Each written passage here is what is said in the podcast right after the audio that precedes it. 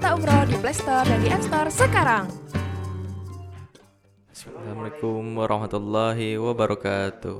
Selamat datang di podcast kita kajian bersama kita umroh episode ke-16 Yap, 16. Hari ini eh, Kita kedatangan Ustadz nih. hmm, Guru kita Ustadz. Kiai Haji Ovid namanya Mungkin nanti eh, Ustadz bisa perkenalan dulu ya Karena Yap. baru pertama kali nih Iya, eh, Cai. Kiai Haji Ovid hadir di kajian ini Silakan Bismillahirrahmanirrahim. Assalamualaikum warahmatullahi wabarakatuh. Waalaikumsalam warahmatullahi wabarakatuh. Alhamdulillahi rabbil alamin. Wasiyal azimil ifdal.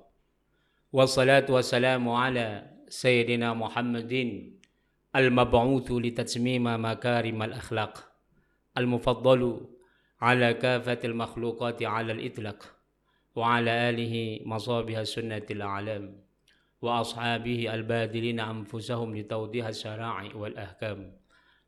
وعلى سائر أئمة المجتهدين القائمين بحفظ ناموس الدين أما بعض الحمد لله. اللهم صل على سيدنا محمد. Yang saya muliakan, yang saya hormati seluruh kru kita umrah. Mudah-mudahan Allah berikan keberkahan, kesehatan dan seluruh usaha ini diberikan Allah keberkahan dan kemajuan maupun kesuksesan insya Allah. Insyaallah amin. Jadi sebelum kita ini langsung langsung kita ini angkat apanya? Perkenalan dari Perkenalan dulu ya. Dulu. Oh maaf kalau Dari gitu tadi. latar belakang, Ah, Ustaz. ah, iya iya. Jadi kalau ah, perkenalan nama singkat saya itu biasa kalau dalam tulisan-tulisan KH atau Kiai Haji Oviet tulisannya Oviet ya V-nya Volvo Oviet R atau Dr. Abdul Aziz Mustafa Dahlan Abdul Latif MA. Ya. Dan saya maksudnya semuanya dari ini Yap, dari Eh, saya dulu pernah belajar di Timur Tengah di Mesir ya kembali sekitar tahun 2004 kemudian saya melanjutkan di Malaysia setelah itu tahun 2010 sampai 2015 saya sekretaris Dewan Fatwa Al-Wasliyah se-Indonesia. Kemudian 2015-2020 saya wakil ketua Dewan Fatwa Al-Wasliyah se-Indonesia. Tahun 2010-15 saya sekreta eh, anggota Komisi Fatwa MUI Pusat. Dan juga sekarang saya punya majelis namanya Majelis Turos Islam. Di mana Majelis Turos Islam ini kita selalu mengkaji kitab-kitab turos atau kitab klasik eh, dari tafsir yang dikhususkan adalah kitab fikih perbandingan empat mazhab. Namun kita tetap uh, mengutamakan kawaid dan manhaj Imam Syafi'i. Iya. Namun tetap kita memukoronahkan, mengkomparatifkan empat mazhab Ahlussunnah wal Jamaah. Jadi istilah talfik dan tarjih itu kita keluar daripada mazhab Imam Syafi'i tetap diperbolehkan dengan syarat-syarat di antaranya adalah karena sebab darurah, sebab darurat dan atau sebab kita ingin menegakkan kemaslahatan untuk mencari kemaslahatan umat. Iya. Nah, itu di antara inti daripada majelis turos ini. Kita rutinitas ada yang setiap hari, ada yang mingguan, ada yang bulanan. Dan inti turos ini adalah kita mengangkat kitab-kitab turos Islam yang dikhususkan tentang masalah fikih, tafsir maupun hadis. Karena ini pondasi dasar hmm, agar apa namanya ya hmm, pemahaman terhadap hakikat agama itu tidak lari. Hmm. Karena kalau kita memahami agama ini melalui ceramah-ceramah yang tidak didasarkan dengan kitab, maka ini banyak melencengnya, Iya. terutama untuk fondasi masyarakat kita. Kitab ini yang sudah umurnya bahkan seperti kita Imam Malik ya, Muwatta itu udah 1300 tahun lebih. Iya. Dan rata-rata kitab Turos ini di atas 500 tahun. Dan inilah yang diperpegang oleh ulama seluruh dunia.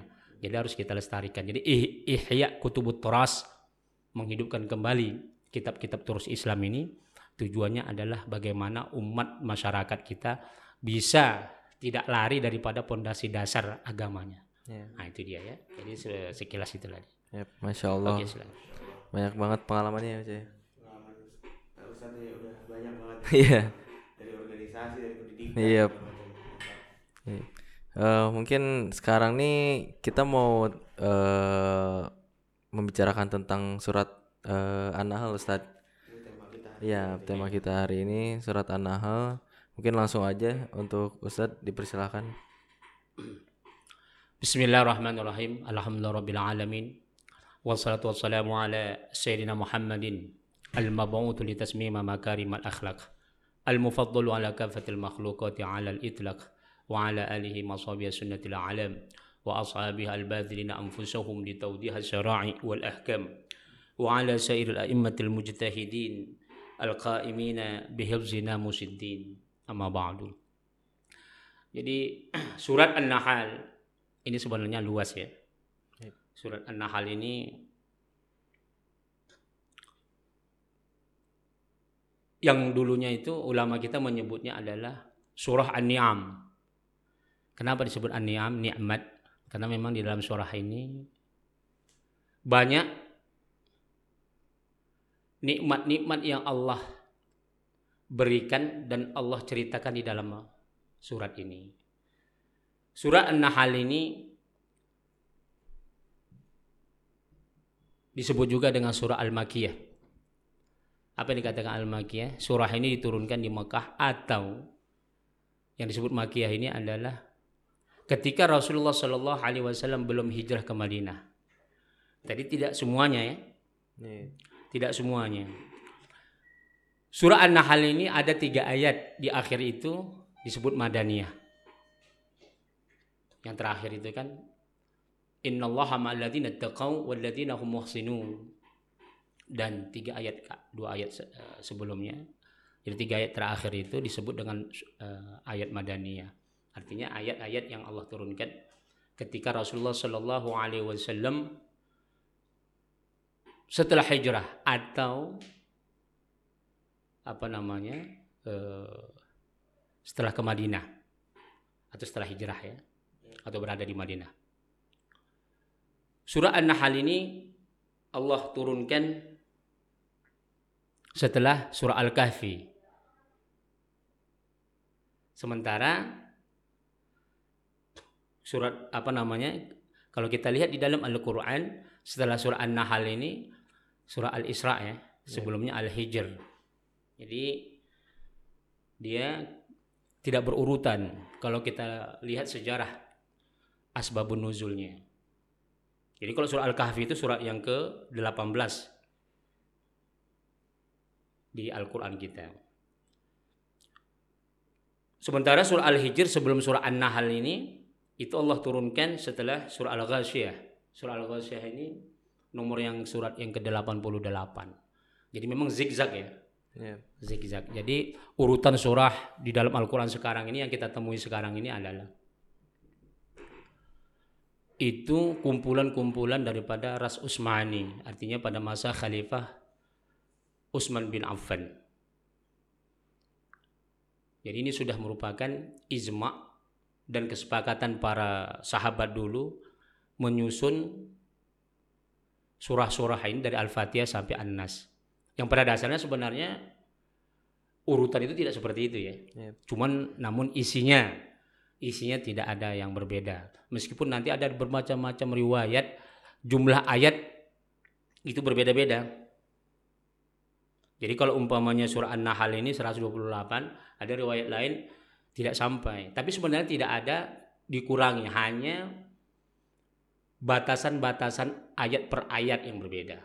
Tapi tidak mengurangi ayat sedikit pun, bahkan hurufnya pun tidak dikurangi. Nah, itu dia. Surah An-Nahl ini kalau kita mengkaji kandungannya sangat luas. Namun mungkin di sini yang diminta adalah bagaimana hakikat lebah ya. Iya, Ustaz.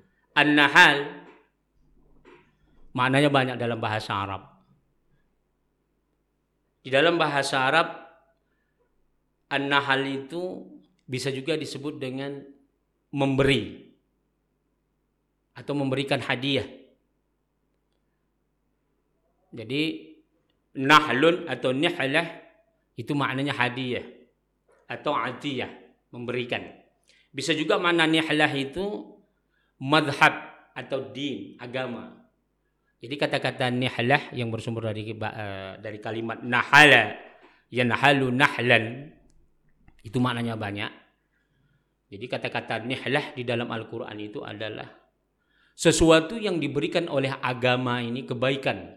Sesuatu kebaikan yang diberikan oleh agama. Jadi apa saja yang diberikan oleh agama itu disebut nihlah. Kenapa juga makna nihlah itu dalam bahasa Arab disebut madhab? Karena memang mazhab ini adalah pondasi dasar kita untuk mengenal sanat-sanat seluruh sumber hukum Islam. Jadi istimbatul ahkam, kesimpulan hukum-hukum di dalam Al-Quran dan Sunnah itu, itu sudah dihimpun oleh para ulama mazhab kita. Yang sebelum ulama mazhab kita lahir itu para sahabat tabi tabi'in tidak begitu dikenal istilah mazhab ini secara besar, tapi bukan berarti nggak ada. Jadi katakan mazhab itu kan tariqah ya, Yep. jalan. Jadi para ulama-ulama mazhab kita inilah yang menghimpun bagaimana seluruh aspek kehidupan yang kita hadapi seperti umpamanya permasalahan pernikahan, permasalahan sosial, jual beli, termasuk juga dari perkara yang terkecil sampai perkara yang besar. Kita kita katakanlah hukum pidana atau hukum perdata. Kita katakan termasuk hukum-hukum sosial, bahkan politik. Bahkan politik.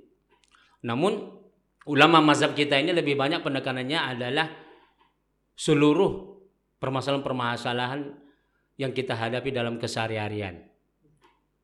Politik itu sangat sangat eh, tidak begitu apa namanya ya komplit disusun secara mendetail. Walaupun ada nanti disebut dengan masalah imamah tapi tidak begitu ini.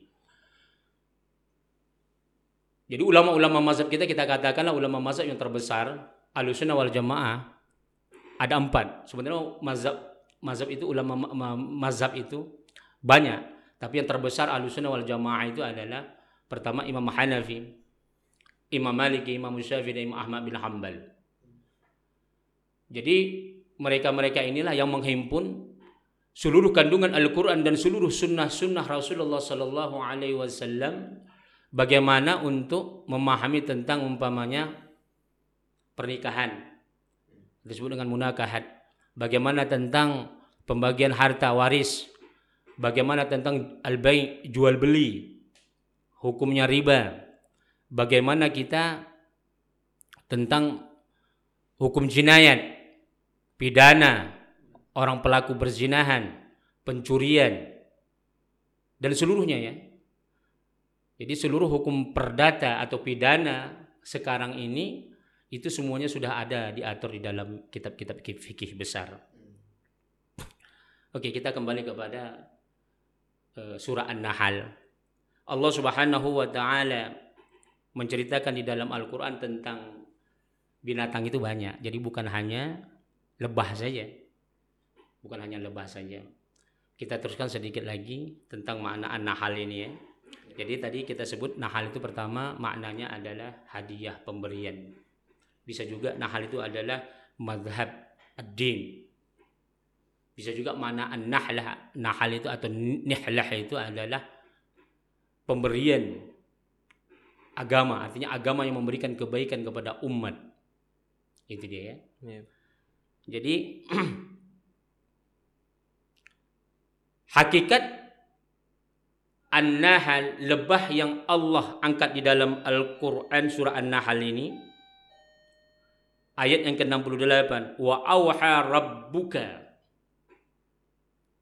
ila an-nahli anittakhidhi minal jibali buyutan wa minas syajari wa mimma ya'rishun kata Allah dan aku telah wahyukan.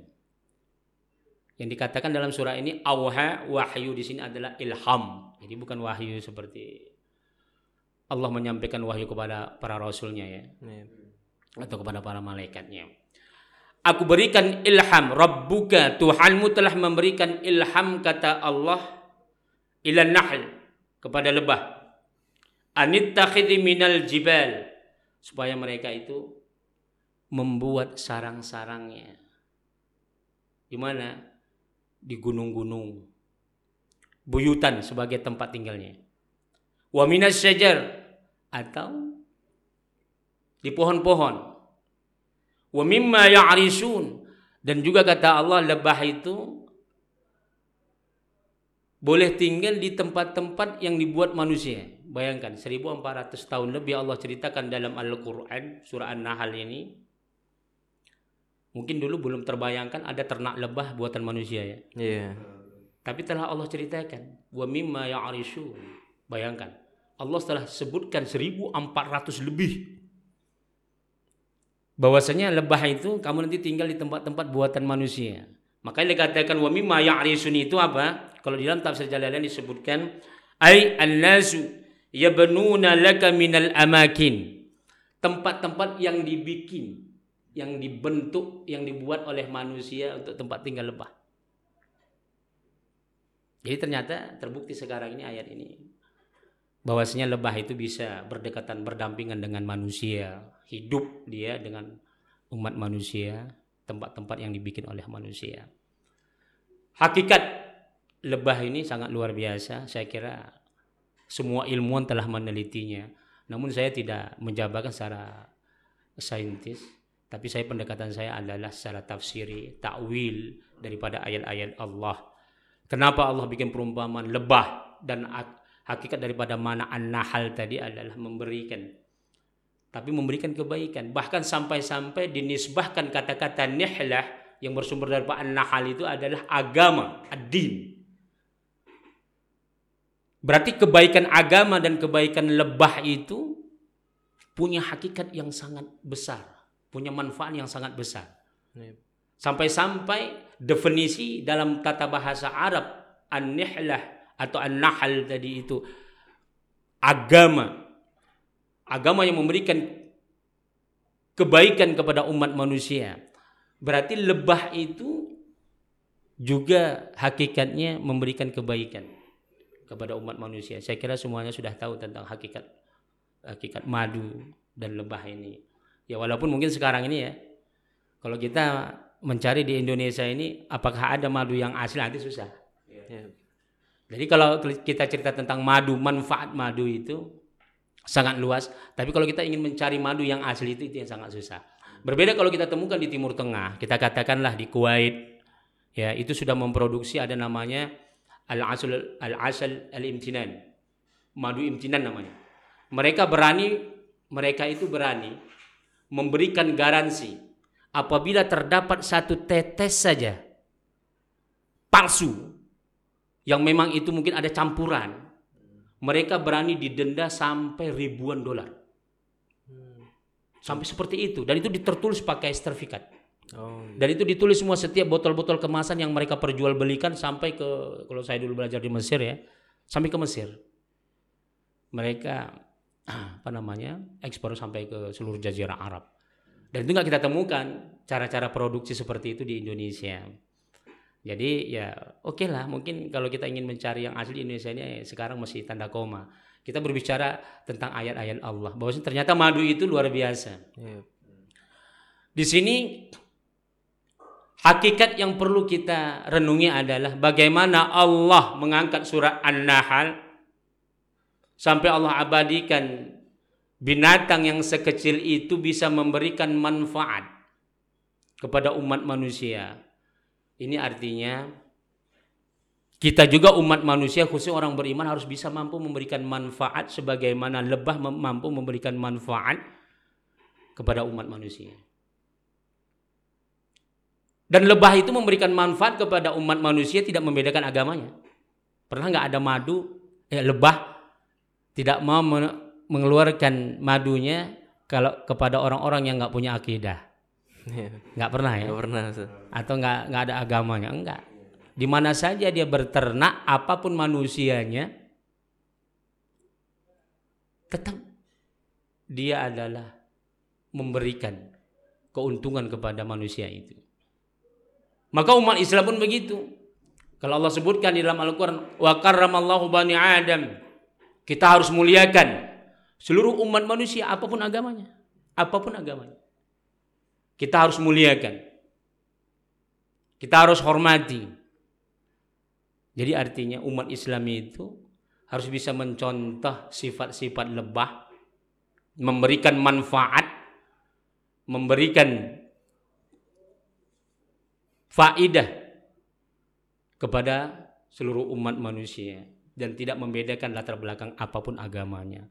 Namun, bagaimana kita bisa meniti kebaikan itu? Apakah seperti membalikkan telapak tangan? Makanya Allah selalu mengangkat di dalam Al-Quran tentang nilai-nilai ketakwaan. Kalau di akhir dalam surah An-Nahl ini disebut innal innallaha ma'al ladzina taqaw wal ladzina hum muhsinun. Sesungguhnya aku kata Allah bersama orang-orang yang bertakwa dan orang-orang yang muhsin. Allah pisahkan itu dia. Iya. Allah pisahkan antara takwa dan ihsan. Apa yang dikatakan takwa, apa yang dikatakan ihsan? Ihsan dulu ya. Jadi muhsin ini luas. Pertama, etika akhlak. Kemudian sifat rahman, penyayang. Sifat kasih sayangnya sama siapa saja. Kasih sayangnya bukan hanya kepada satu agama, bukan hanya kepada satu suku, tapi lintas seluruh puak manusia. Bahkan binatang. Kasih sayang itu juga kita harus berikan kepada seluruh makhluk. Makanya sahabat bertanya, apakah kasih sayang itu ya Rasulullah hanya sesama kami? Tidak. Siapa saja seluruh makhluk. Makanya nggak semua orang yang bertakwa itu punya sifat ihsan. Termasuk juga orang-orang yang suka memberi bersedekah. Itu disebut muhsinin. Jadi kata-kata ihsan itu lebih banyak penekanannya kepada orang-orang yang sifat dan hatinya, perilakunya memiliki etika akhlak yang tinggi, pemurah. Sementara kalau takwa ini penekanannya kepada nilai-nilai ibadah kewajiban yang dia tunaikan. Namun sebenarnya hakikat takwa itu, definisi takwa sebenarnya adalah para ulama sangat banyak di dalam kitab At-Ta'rifat para ulama sangat banyak. Kesimpulannya apa? Kesimpulannya takwa itu adalah siapa saja yang dia mengamalkan perintah sama ada perbuatan Rasulullah secara perbuatan, ucapan ataupun tindakannya yang tidak keluar daripada syariat. Jadi seluruh orang yang melakukan kebaikan sesuai dengan syariat Allah disebut takwa. Tapi kenapa surah An-Nahl tadi Allah pisahkan? Karena banyak orang yang bertakwa tapi belum tentu dia ihsan. Iya. Ada orang itu salat, dia berzakat, dia naik haji, dia berpuasa, tapi etika akhlaknya nggak ada. Mesti ada sifat fanatism, Iya. fanatik, fanatik kepada kelompoknya, golongannya. Masih ada punya sifat seolah-olah yang benar itu pemahaman dia. Pemahaman orang-orang yang bukan kelompoknya, bukan satu aliran dia dianggap sesat.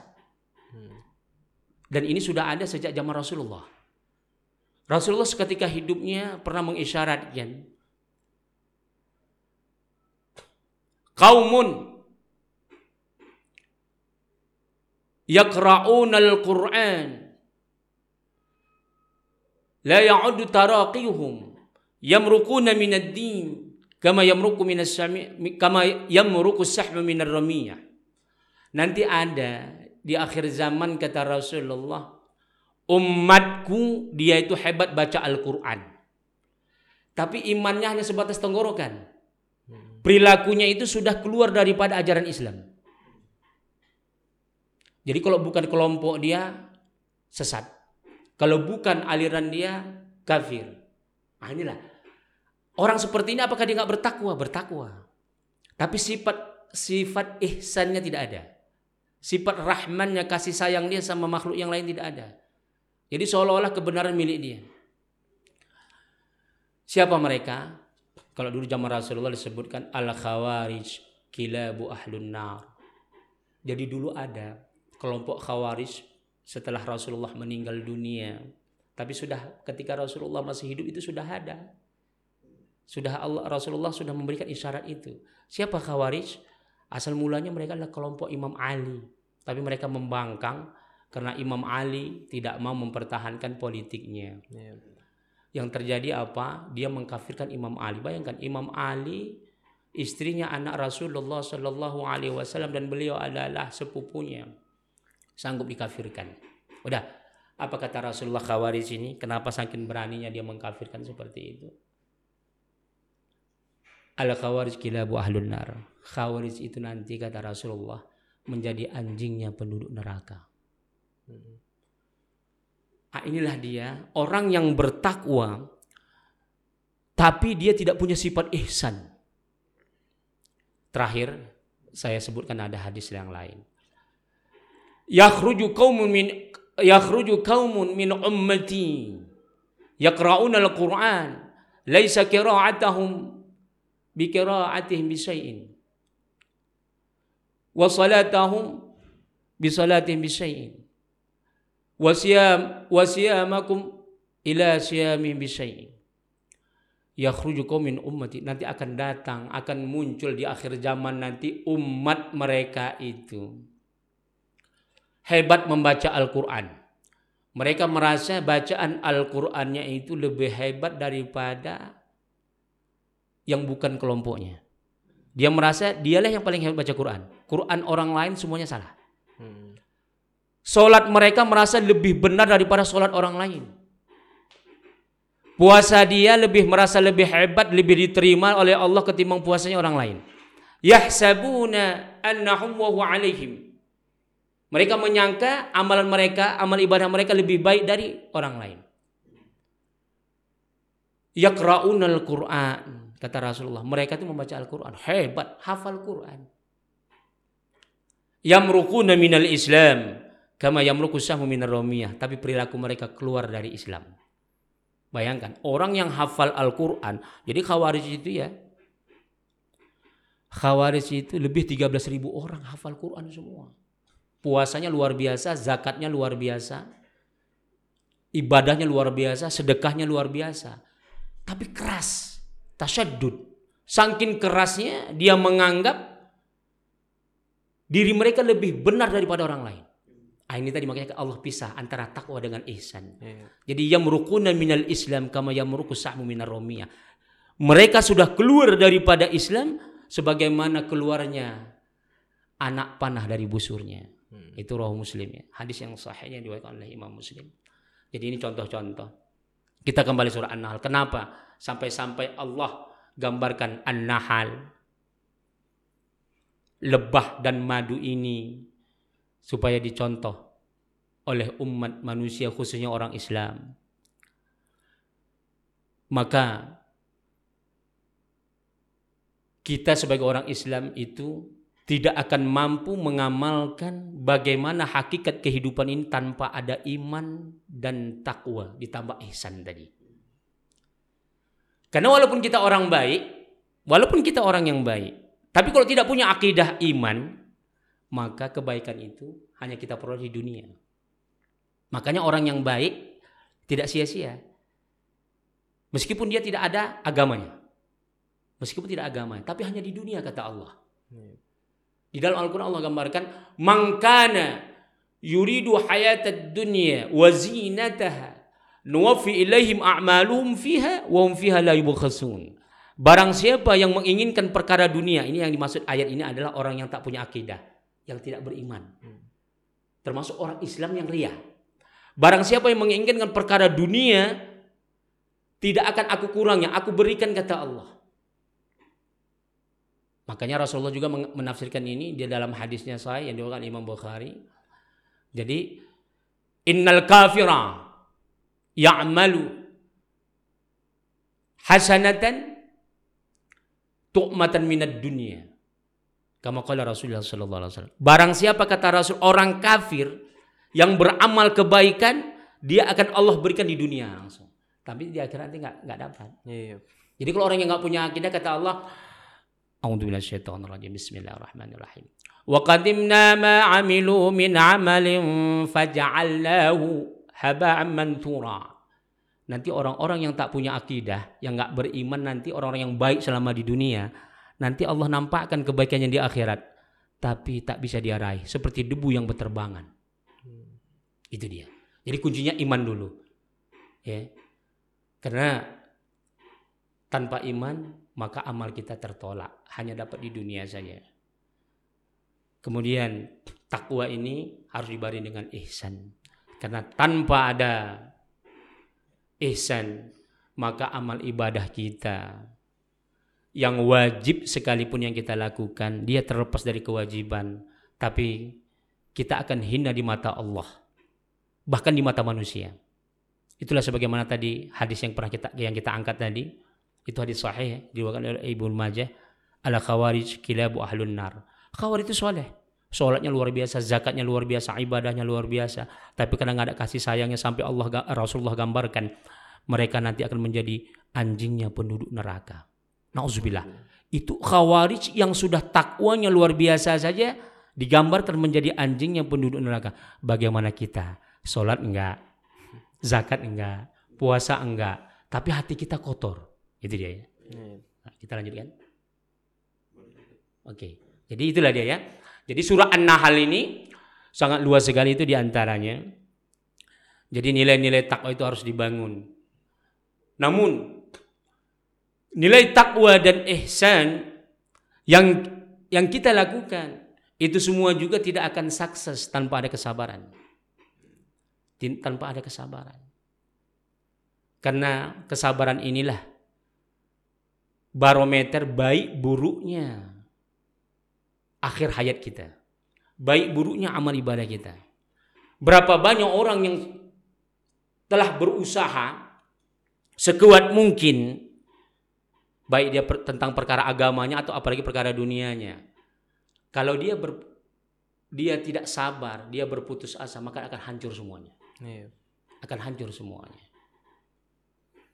Di sinilah orang-orang beriman itu Allah sebutkan dalam Al-Quran. La taqnatu min rahmatillah. Jangan sekali-kali kamu kata Allah berputus asa terhadap rahmat Allah. Wa qala rabbuna la taqnatu min rahmatillah illa dhalun. Berkata Allah, jangan engkau berputus asa kecuali orang-orang yang berputus asa itu adalah orang yang sesat. Bayangkan banyak orang yang dia itu gara-gara miskin murtad, putus asa. Gara-gara miskin bunuh diri. Gara-gara dia sudah berusaha membuka bisnis dari nol, ternyata jatuh bangun nggak sabar. Akhirnya dia putus asa. Ya Tuhan, aku selalu sholat, tapi kenapa ya bisnis aku asik mandek aja? Kan ada gitu. kan? Iya. Jadi nggak boleh kita berputus asa, harus sabar. Berapa banyak orang-orang tak punya akidah tapi bisa sabar. Coba lihat siapa yang yang mendirikan Kentucky Fried Chicken itu. Itu kalau kita baca sejarahnya luar biasa. Orang yang tidak tamat sekolah, yang begitu sabar dia mau mengembangkan usahanya. Dari ayam goreng biasa sampai dia berpikir, itu kan orang tuanya adalah buruh di daerah Kentucky Amerika sana seorang buruh ya ayahnya itu bekerja buruh ibunya tukang masak buruh itu. Buruh apa namanya eh, tambang. Bayangkan dia dari kecil membantu kedua orang tuanya sekolah susah nggak bisa. Setelah dia banyak membantu ibunya dia bisa tahu racikan masakan kesimpulannya. Dia berpikir bagaimana ayam ini bisa dimakan oleh seluruh dunia. Dia tuh gagalnya itu berkali-kali Makanya dia berhasil setelah beruban. Coba lihat gambar Kentucky Fried Chicken itu kan sudah beruban kan, Iya. sudah tua. Bayangkan orang yang tidak punya akidah bisa dia sampai bertahan dengan kesabaran dan akhirnya sukses. Dan banyak seperti itu ya, bukan itu contoh saja. Banyak. Jadi dalam dalam Islam sangat sangat keras tindakan bagi orang-orang yang berputus asa. Allah terangkan dalam Al-Qur'an ancaman bagi orang-orang yang berputus asa. man kana yazunnu alla yansurullah fi dunya wal akhirah falyamdud ila sama thumma liyaqta falyanzur hal yudhibanna kaiduhu ma yaghiz kalau kamu merasa aku sebagai Tuhan, aku Allah kata Tuhan,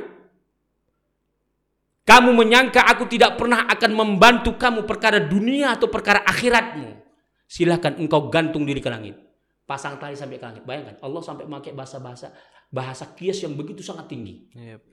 Kamu gantung di lehermu ke langit, potong. Itu yakta. Kemudian kamu lihat fal yanzur hal yudhibanna kaiduhum ma yaghiz.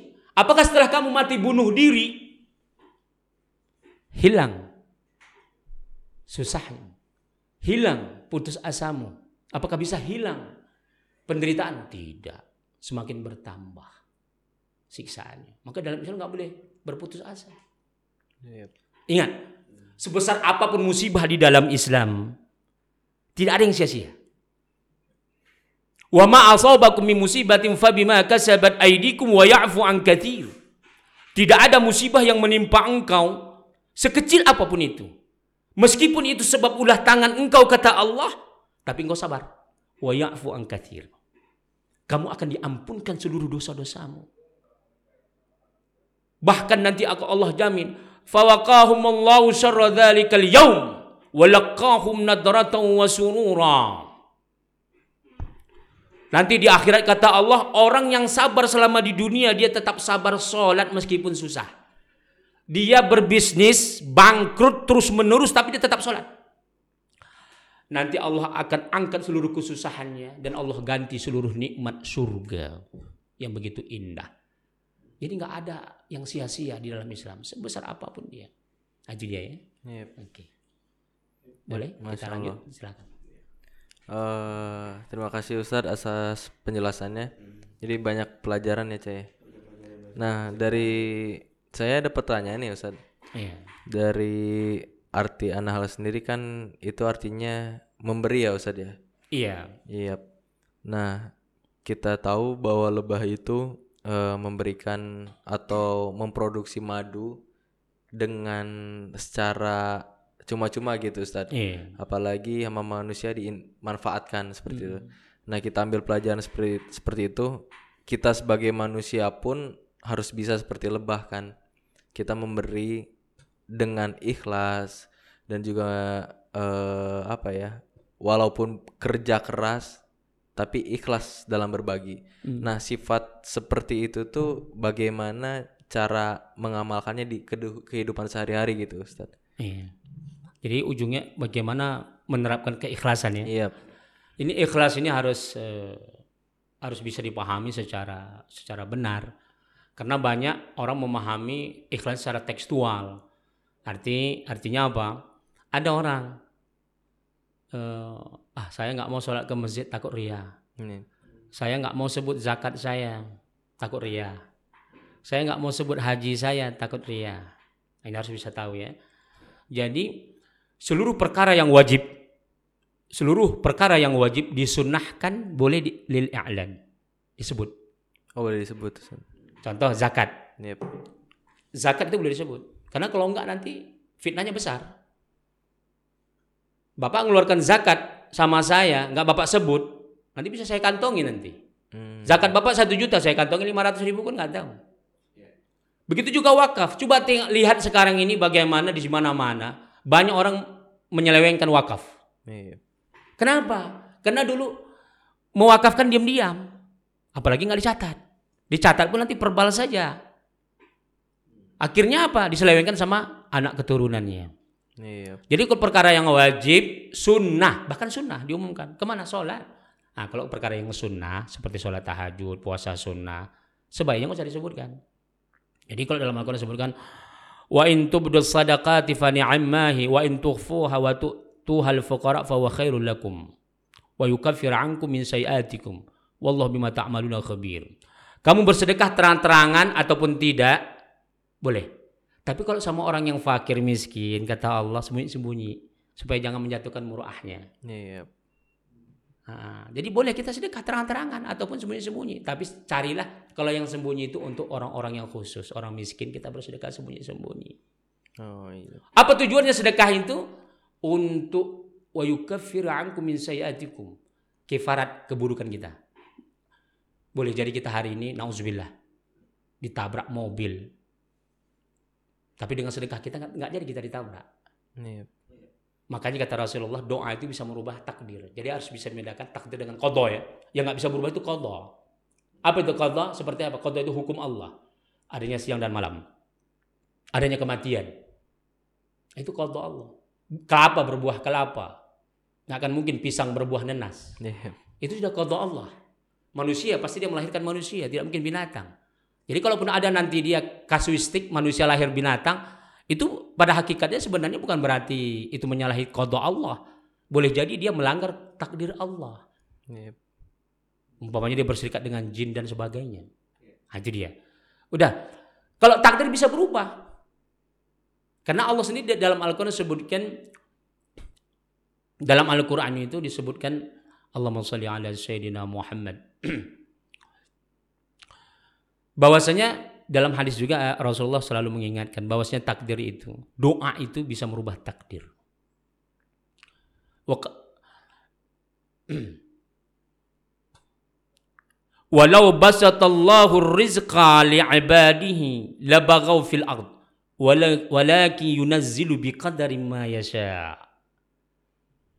Seandainya seluruh manusia ini kata Allah semuanya kaya, mereka itu akan menjadi hancur. Mereka pasti akan berbuat durjana. Tapi aku berikan takdir yang berbeda-beda. Iya. Jadi sekarang kita miskin, besok bisa berubah jadi kaya. Besok sekarang kita kaya, bisa jadi kita bangkrut besok. Ini takdir. Jadi kalau kematian itu sudah qada Allah. Gak akan bisa kita minta ya Tuhan jangan aku mati ya, nggak bisa. Itu dia. Jadi kalau takdir dalam Al-Qur'an biqadari ma yasha, bisa. Sebagaimana Rasulullah juga mengkuatkan bahwasanya doa itu bisa merubah takdir. Jadi kalau kita ingin berubah, maka kita harus berusaha. Walikulli darajatun mimma amilu kata Allah. Tinggi rendahnya derajat engkau tergantung usaha engkau. Iya. Kalau kamu nggak mau berusaha, kamu mau rendah, ya rendahlah usahamu. Kalau kamu mau tinggi tinggi. Wa laisa lil insan illa ma. Tidak ada yang diperoleh oleh manusia kata Allah tergantung usaha dia. Kalau usaha dia maksimal insya Allah. Udah. Bagaimana kalau usaha dia sudah maksimal? Ternyata juga nggak nggak berhasil, bangkrut juga. Kalau dia tawakal kepada Allah. Fa idza azamta fatawakkal Allah. Allah. Kalau dia sudah azam, dia udah berusaha, udah bangkrut, tawakal kepada Allah. Allah tidak akan sia-siakan engkau. Iya. Pasti gitu. Itu. Jadi ikhlas tadi kita kembali kepada ikhlas tadi. Ikhlas itu tidak akan bisa terrealisasi kalau kita meninggalkan kewajiban nggak sholat. Iya. Tidak bisa. Harus sholat. Oh aku ikhlas aku. Tidak bisa. Innal insana khuliqa halu'a. Idza masau syarru jazua. Idza masau khair manu'a. Ilal musallin. Diciptakan manusia kata Tuhan itu suka berkeluh kesah. Apa keluh kesahnya? Coba tanya semua semua teman-teman kita seluruh manusia. Pasti dia merasa mengatakan akulah yang paling susah di dunia ini. Kalau dia ditimpa kesusahan dia merasa dialah paling susah di dunia ini meskipun dia orang terkaya di dunia. Iya. Begitu juga sebaliknya. Kalau dia ditimpa ke, dia diberikan nikmat manua bakhil kecuali orang sholat.